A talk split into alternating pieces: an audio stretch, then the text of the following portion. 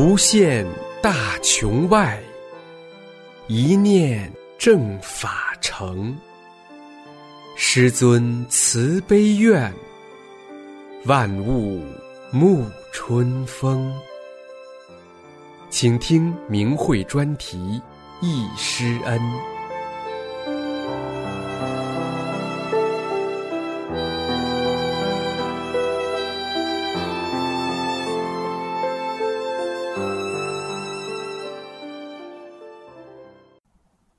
请听明慧易师恩专题文章，题目是《易参加师傅讲法传功班》，作者黑龙江大法弟子。文章发表于明慧网，二零一四年十月八日。得法前，我曾练过别的气功，也不懂得修炼心性，去掉执着心才是掌功的关键。只觉得气功就是祛病健身，并没有往更高层想。一九九三年七月十五日那天早晨晨练刚结束，站长拿出一沓门票，说是今晚六点在骑士电业文化宫有法轮功代工报告。三元一张门票，不一会儿门票就卖的差不多了，还剩一张票。站长问我要不要，我说不要。站长说你要吧，就剩一张了，不然就没了。我说我现在这个功还不知练得怎么样呢，怎么又去听别的气功了？站长说我劝你还是去吧，多听听有好处，不然就没有机会了。要不这张票免费送给你怎么样？我一听站长这么诚恳。不好意思，掏出三元钱把票留了下来。回家后发现早晨新穿的高筒袜在右腿腿肚子上面有一个像鸡蛋黄大小的地方，圆圆的里面有十几个小眼儿，自己觉得有些纳闷儿，心想新穿的袜子怎么偏偏这儿坏了？一想是呀，晨练时右小腿总感觉热乎乎的，有东西在腿上转，时不时的用手去扑了扑，也许是抓坏的吧。也没悟到是师尊在慈悲收救有缘得法的人。过后，每当回想起这段往事来，总觉得有些汗颜。怎么当时悟性这么差？我们单位有三个人参加了这次代工报告会，其中一位大姐甲和我坐在一起。大家来的早一点，都在揣测今天讲课的师傅一定是位年长者或资格最老者等等。然而，在讲台就坐的那位最年轻的。身材高大的，上身穿白色短袖衬衫，下身着灰色裤子，面容慈祥，常带微笑，这才是我们伟大的师尊啊！此之前，我的偏头痛很厉害，犯病时脑神经一阵一阵的痛，整夜不能入睡，搞得我精神不佳，面黄肌瘦。在课堂上，师尊简略的讲了一下中国法轮功的法理和功法，同时打出无数的法轮和功。给学员调整身体，我的身体是属于敏感型的，第一天就感觉到小腹部位有法轮在转，尤其是头部，就像孙悟空用的金箍棒一样的东西，不到一尺长，闪闪发光，穿透两个太阳穴，在脑中来回搅动，非常痛。我身边的大姐甲也是一样，以前腿有风湿，这一下也出现了疼痛的症状。最后师傅让大家站起来，统一听师傅的口令。一起跺一下脚，瞬间疼痛症状全无，身体如卸重负一样轻飘飘的。我心想，这下头痛的顽疾治好了，不用再来了。思想深处还停留在气功就是祛病健身的，把法轮功也混同于一般的气功了。第二天，师尊正式开班，在学习班上，师傅再次给学员调整身体，使学员的身体不断的进化。有一天刚上课不久，我就开始犯困，一会儿就呼呼睡着了。大约睡了一堂课的时间，师傅讲完了，我也睡醒了。可师傅讲的法一个字都没落，全听进去了。正如师尊所说的，有的个别人还会睡觉的。我讲完了，他也睡醒了。为什么呢？因为他脑袋里边有病，得给他调整。脑袋要调整起来，他根本受不了。所以必须得让他进入麻醉状态，他不知道，但有的人听觉部分没问题，他睡得很香，可是却一个字没落，都听进去了，人从此精神起来了，两天不睡觉也不困，都是不同状态，都要调整的，整个身体全部要给你净化。选自《转法轮》。第三天的时候，我的嗓子感觉发痒不舒服，一声接一声的咳嗽，连上气儿了。有的学员让我用以前学的气功方法去治，我说不行。师傅说了，修炼要专一。选自《转法轮》，这是宵夜，忍过去就好了，可不能再把以前练的东西掺进去了，会把功搞乱套的。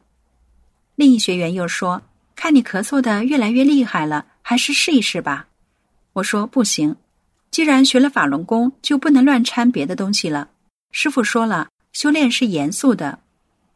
选自《精进要旨》明示。就当我还以前欠的债了，不用管他。随后我请了一盘练功音乐带，心想快点往家赶路，好听听新请的练功音乐带。到家后发现嗓子不知什么时候好了，不咳嗽了。随后把家里所有以前学的气功书烧的烧，扔的扔。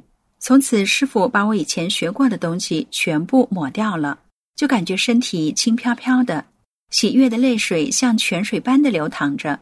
心里对师傅说：“师傅，这么多年我可找到您了，这才是我苦苦等待许久的宇宙阵法呀！我终于走上了一条返本归真的路，感到在整个传法场的上空金碧辉煌，射透天边。师傅讲法用的麦克风也是金光闪闪的，师傅的整个身体都是透明体。在学习班上，师尊多次给灌顶，特别是第一次时。”头顶就像平时我们切的西瓜一样，从中间咔一下切成两半儿。我下意识的用手去摸头顶，什么也没摸到，就感觉一股热流从头灌到脚，通透全身，整个身体无不沉浸在轻盈、舒适、美好的状态中。在练五套功法时，师尊给每位学员都下了契机，尤其是我做第三套功法贯通两极法中的单手冲冠时。就像吸铁石吸着一样，不能走偏一点，只能随机而行。转眼到了第十堂课，学员发言谈心得体会，然后师尊给学员解答问题。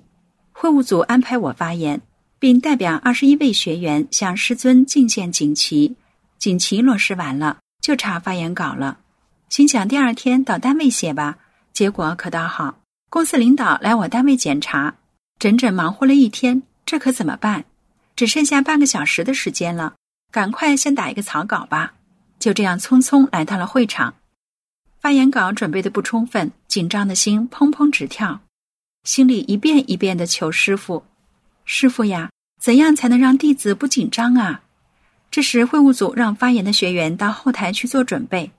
我来到后台，一眼就看到师傅正用慈祥的目光微笑着等候我们呢。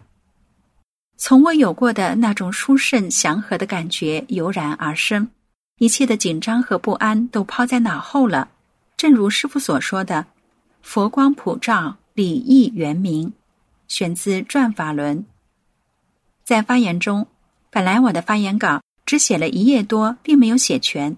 可是坐在师傅身边发言时，根本不是按照发言稿写的顺序讲的，而是把这十堂课中。所有的感受像过电影一样一一道来，根本没用看稿子。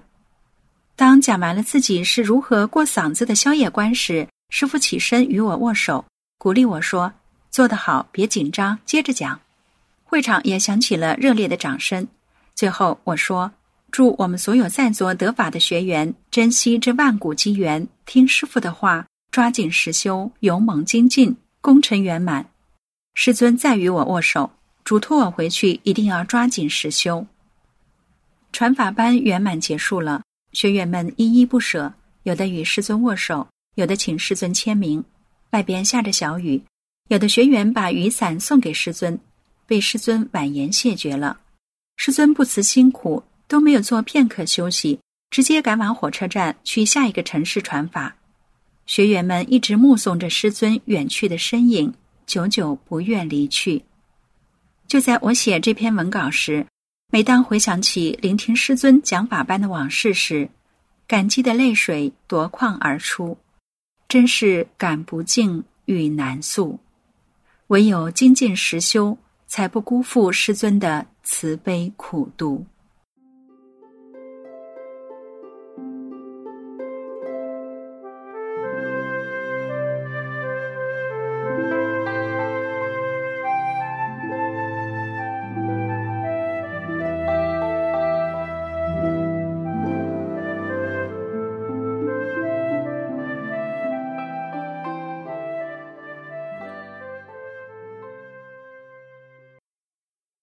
听明慧忆师恩专题文章，题目是《师尊郴州传法的故事》。文章发表于明慧网，二零一五年三月七日。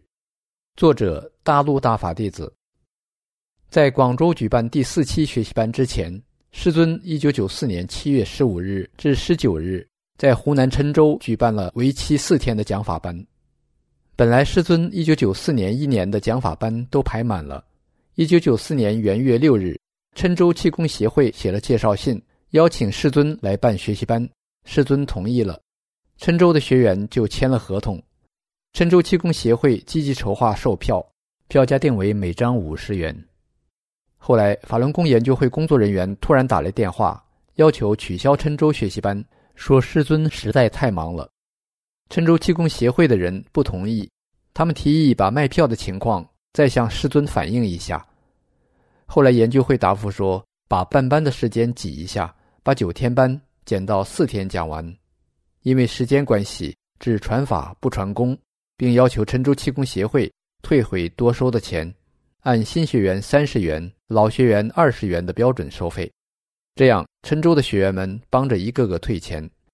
师尊在郴州办班时，四天要讲完全部课程，白天晚上都要加班，所以非常辛苦。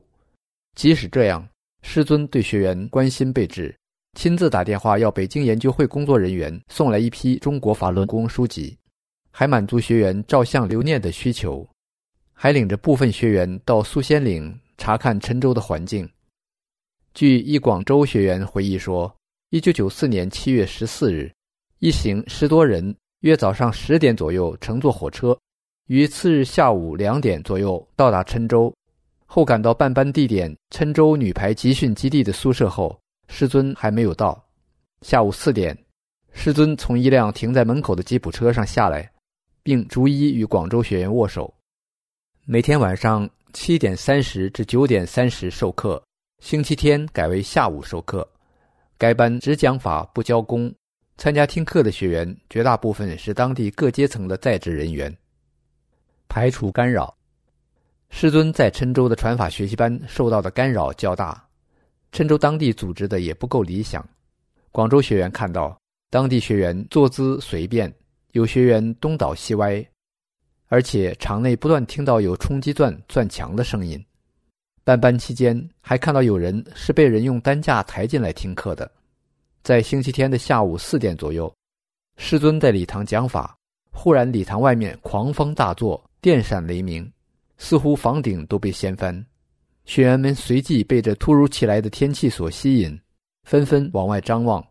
师尊马上说：“不要看外面，听我的。”当时场内的灯灭了，一会儿灯又亮了，全场欢呼。师尊这时对身边的一学员说：“还会灭的。”果然，不一会儿功夫，场内的灯又灭了，一会儿又亮了。到了傍晚吃饭时，当学员们请师尊一起进餐时，只见师尊站在饭桌旁边不远的院子里，闭着眼睛做着叠扣小腹的动作，一动不动。有学员看不懂，还在喊师尊。师尊没有任何回应。后来，师尊入席与一学员进餐时说：“刚才是去处理干扰下午上课那事儿去了。晚上吃完饭后，学员在散步，师尊走过来对广州学员说：‘我下来的时候，他们不知道我是谁。苏仙都得到了，嫉妒心还这么强，化作两条龙来干扰。你们不知道吧？这个打雷的，他不知道我来了。’”可惜他不知道我的来历。如果他知道我的来历，他不敢这样做的。学员听后恍然明白许多。办班期间，师尊很忙。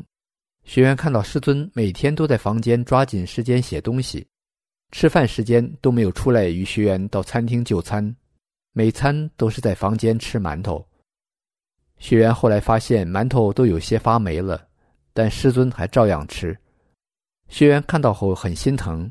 跟师尊说：“师尊，您都瘦了。”师尊很轻描淡写的说：“是吗？”有一天，学员准备了一桌很丰盛的饭菜，请师尊下来吃，但师尊只匆匆吃了两口，就又回房间了。可见师尊为了救度众生，多么抓紧时间，多么的操劳。游苏仙岭。因为晚上上课，白天颇有空余时间，一学员见到师傅，提议说：“附近有个苏仙岭，我们何不去旅游一下？”师尊说：“好啊。”于是广州学员花了三十元，向女排基地租了一部客车，在两名郴州学员的陪同下，第二天便随师去郴州郊外的苏仙岭游览。在唐代，苏仙岭就享有“天下第十八福地”之美誉。苏仙岭主要有三个景点，一个是传说苏仙百日飞升的地方，一块石头称为飞仙石；第二个是山上的一间寺庙，还有一个是俯瞰山间自然景色的鹿回头景点。到了飞仙石，学员们兴致很高，师傅指着飞仙石对学员们说：“我领你们飞天。”大家听了很高兴，就在飞天石前拍照留影。一广州学员用自带的照相机拍照，但相机拍不了，学员便换用师傅带的相机来拍，拍了两张又不行了。学员不知何故，正在摆弄照相机想排除故障，师尊走过来，一边拿过相机，一边说：“别照了。”然后又说了一句：“都已经成仙了，还妒忌心这么强烈。”师尊指的是苏仙岭的苏仙。到苏仙岭的寺庙门口时，只见师傅用手指点了一下摆放在门口的一只石狮子的爪，便与学员一起进庙。这时，庙的右边地上有一个年轻的和尚正盘腿打坐，正面佛像上有“法轮常转”四个字，台上有一个牌子写着“有求必应”。只见师尊刚跨进庙内。在佛像前就做了一个两手抓东西分开的手势，然后对身边及身后的学员说：“我们都是佛家的，你们可以拜吧。”当在庙内走到一处禅房时，看到不少僧人在里面盘腿念经。师尊问旁边的学员：“你们看这些念经的和尚，谁修的最好？”在旁的一个学员便仔细从全神贯注念经的和尚中找，先指一个年龄较大的。师尊说不是，然后学员又指一个较专注的，师尊还是说不是，说了几个都被师尊否定了。后来师尊看学员找不出来，便指着一个坐在一边不认真念经、左顾右盼、眼睛一眨一眨的和尚说：“这个修的最好。”大家听了，带着不解出了庙。不久便看到一个和尚从庙中匆匆追出来找师尊。学员定神一看，正是那个师尊说修的最好的和尚。师尊这时对身边的学员说：“你们别过来。”师尊跟那个和尚在庙里谈了大约一刻钟才出来。参观完庙后，学员们随师尊往山上走，在快到山顶时，师尊就停下，指着对面山上的一间小房说：“为何旁边的建筑物不见了？”郴州的学员说：“拆了。”师尊说。那是唐朝的建筑，并开示说：“我在郴州曾三世为人。”到山顶附近，大家围坐一起休息时，师尊又讲一段话，说：“现在人类都败坏了，就像一个苹果烂了。”第三个景点是鹿回头，这个景点位于一个山腰的拐弯处。师尊走到该景点前看了一下，便转身要学员们赶快离开，学员们便迅速离开了该处景点。后有学员回忆说，走过该处时，像有一股力量把人往下推似的。四天的郴州班结束后，师尊又要急急忙忙赶去广州举办第四期学习班。原来师尊是订好了郴州到广州的火车票，由于学员希望能与师尊多待在一起，能同车接送，师尊便退了已经订好的车票，与广州学员一起上了一趟过路去广州的火车。谁知上车后发现乘客特别多，连通道都挤满了。原来联系好的铁路乘警办理卧铺票不能兑现承诺，现在又不同意学员与师傅进卧铺车厢，致使师尊上车后连座位都没有，只能在洗手池旁的地上用东西垫着坐，闭目休息。有个学员看到心酸难忍，就去找列车乘警帮忙。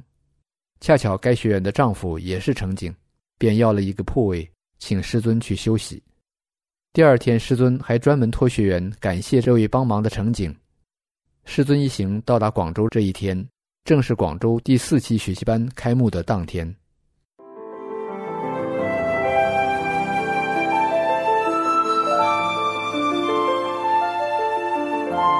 您现在收听的是明慧专题《易师恩》。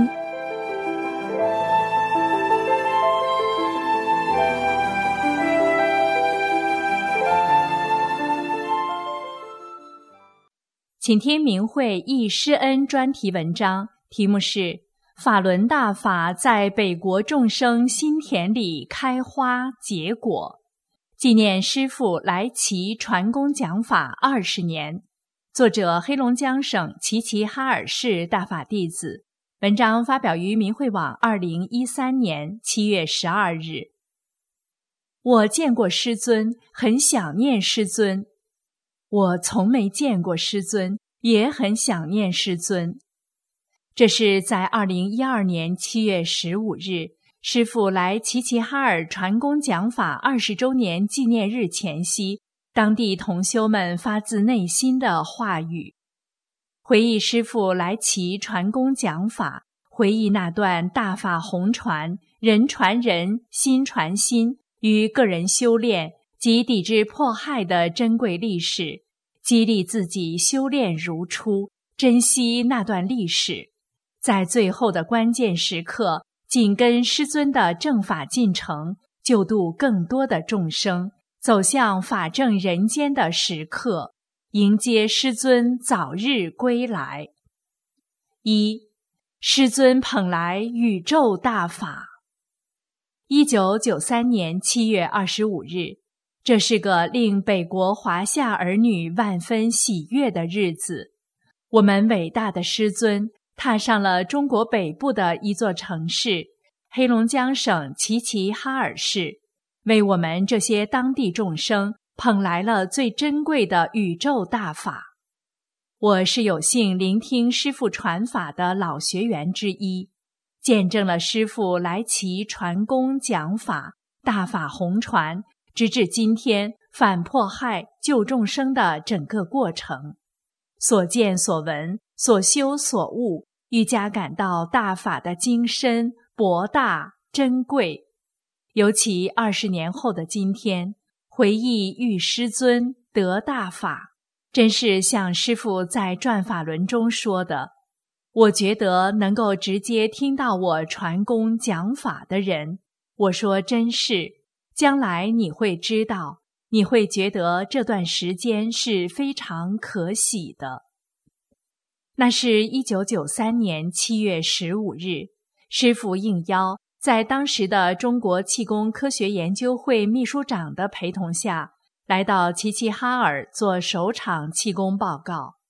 出于常规，当地气功协会首先安排研究会秘书长做气功与形式的讲座。之后安排师傅做法轮功功法介绍。那天在研究会秘书长讲座进入尾声时，他就大力向我们与会的气功爱好者推荐法轮功，并说：“这是我给你们许愿推荐的佛家上乘功法。”我当时就想，连国家都推崇法轮功，那一定是要学的。就这样。我听了师傅的报告会，会上师傅不单介绍了高深的功法法理，还给参加报告会的几百人清理了身体。师傅让参加报告会的每人想一样病。师傅在台上用手向人群用力一抓，往地下一甩，同时大家一跺脚，我瞬间就感到身体轻松。缠绕我多年的胆囊炎从此无踪，兴奋之余，自然参加了师傅的八天九堂课的传法学习班。师傅给我们讲了令人折服的高深法理，传授给我们五套功法，并且每天早上在办班的场地门前及龙沙公园，即师傅法中讲到的拔牙场景。就在此公园门口，辅导我们动作，手把手的纠正指导。办班结束时，还叮嘱我们多看书，坚持到练功点练功等等。我在学法班所得，真是千言万语也说不尽啊！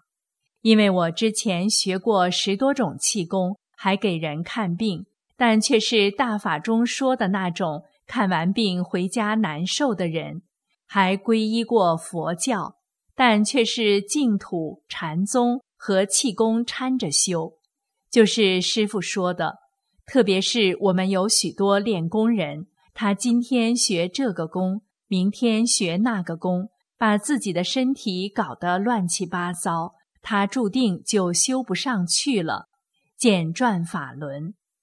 听完师傅的讲法班，我一下豁然明白了一切，使我直趋大道。几个月时间，不但疾病全无，而且我体会到了破除后天观念后的真我状态。那真是多年求无为而不得，修大法去执着，无为自来。修此大法真是又快又玄妙啊！对于那些因种种干扰而懈怠或离弃大法的人，我真为他们深感痛惜呀。师傅在齐齐哈尔办的讲法班也是很不容易的。那时在讲法场内场外都有人干扰。记得在第三天晚班，师傅讲课时。我坐在后边，正听得入神时，就有一人在远处大声说：“师傅骗人，还说一些难听的话。”但我们的师傅也没有理会他，就像没有这回事一样的继续讲课。后来那人就像自讨没趣一样的溜了。还有一日，在我们听完课出门后，看到当地一个年轻的气功师。在门口和大法唱反调，讲的都是一回事，学不学都行。真是传法时必有邪门干扰，道魔同传，同在一世，真真假假，重在悟。见精进要旨，悟。随着实修，我们悟到，干扰的都是针对师父正法和学员得法来的。从那时至今一直存在着，后来才明白是师父不承认的，是弟子应当全盘否定的。师傅在齐齐哈尔电业文化宫举办的学法班，前后大约有四百多人参加。师傅办班收费真的是最低的，只有四十八元，半途进班的只收一半。由于收费过低，使当地气功协会分成过少而十分不快，以至于在师傅结束办班的那个夜晚，连送行的车子都没有派。当时我们弟子想要送行，而师傅却让我们都别动。我们站在门前空的地上，眼望师傅和几个工作人员的离去的背影，热泪盈眶。那是我们最难忘的一幕啊！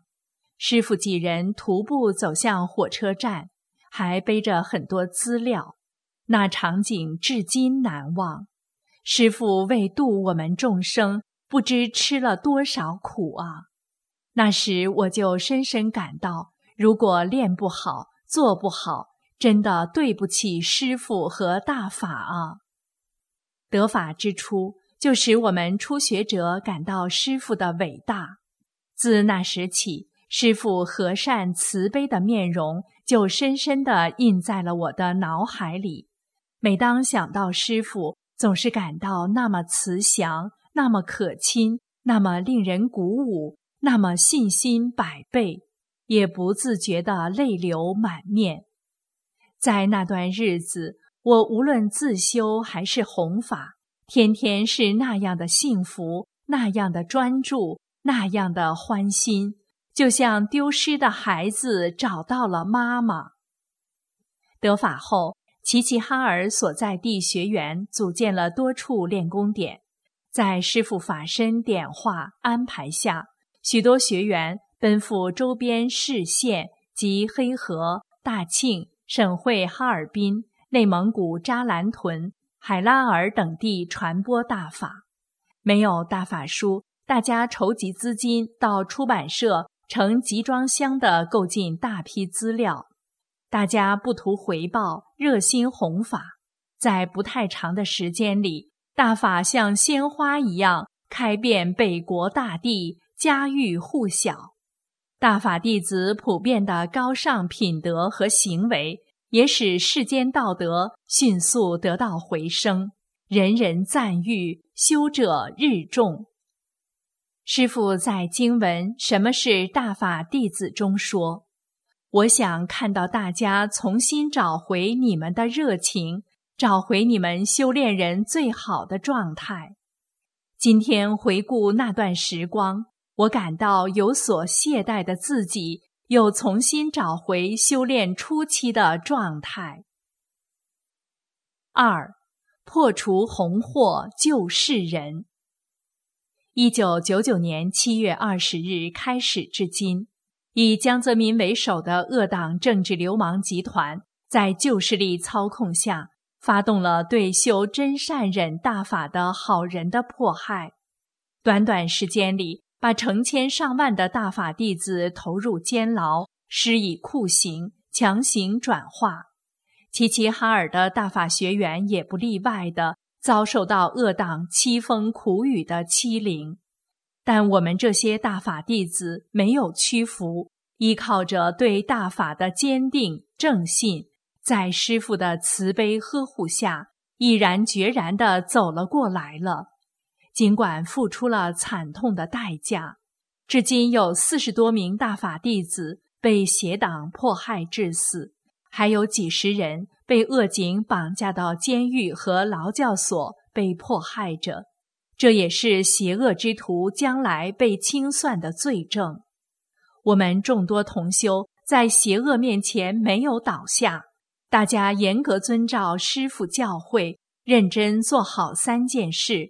有很多同修采用各种方式抵制迫害，讲真相，救度了许多世人。众同修走上大街，面对面讲真相。用电脑和手机传播真相，还有众多的同修挂条幅、安大锅、送资料、贴不干胶、花真相币。我们坚持每天发正念，否定邪恶的各种迫害图谋。至今，全市同修还在轮流坚持发正念，还有许多同修坚持到公安、政法等部门黑窝场所发正念。取得了巨大成效，使当地邪恶的嚣张气焰逐渐被铲除，正气逐渐上升。如齐齐哈尔市六一零头目四十九岁的李家明，于二零一二年七月七日，在和其妻子去大润发超市的路上突发心梗死亡，就是一个有力证明。他的死亡给当地的那些恶党帮凶和打手们。敲了一个响亮的警钟，使这些人感到后怕和胆怯，有力地震慑了邪恶。又如，经过同修发正念和讲真相，当地邪恶多次举办的洗脑班都没能长久，也没能波及更多的学员。这是大法威力在齐齐哈尔的显现。正如师父所说。如果你们人人都能从内心认识到法，那才是威力无边的法的体现，强大的佛法在人间的再现。见精进要旨谨言。二十年来，大法在北国大地传播，在大法弟子和世人心田里生根开花，并结出了丰硕的果实。无数的大法弟子走向圆满和世人得救。齐齐哈尔因周边栖息众多丹顶鹤而闻名遐迩，也因此被誉为鹤城。丹顶鹤是传说中的灵鸟、神鸟、智慧之鸟，在人间是吉祥、幸福、健康、长寿的象征，但在修炼人看来，或许丹顶鹤是在这里期盼、等待主人回归天国的那一天。最后献诗一首，表达对师尊的感激。师尊末节传大法，众生心田生根芽。历经风雨花相忆，硕果累累遍天涯。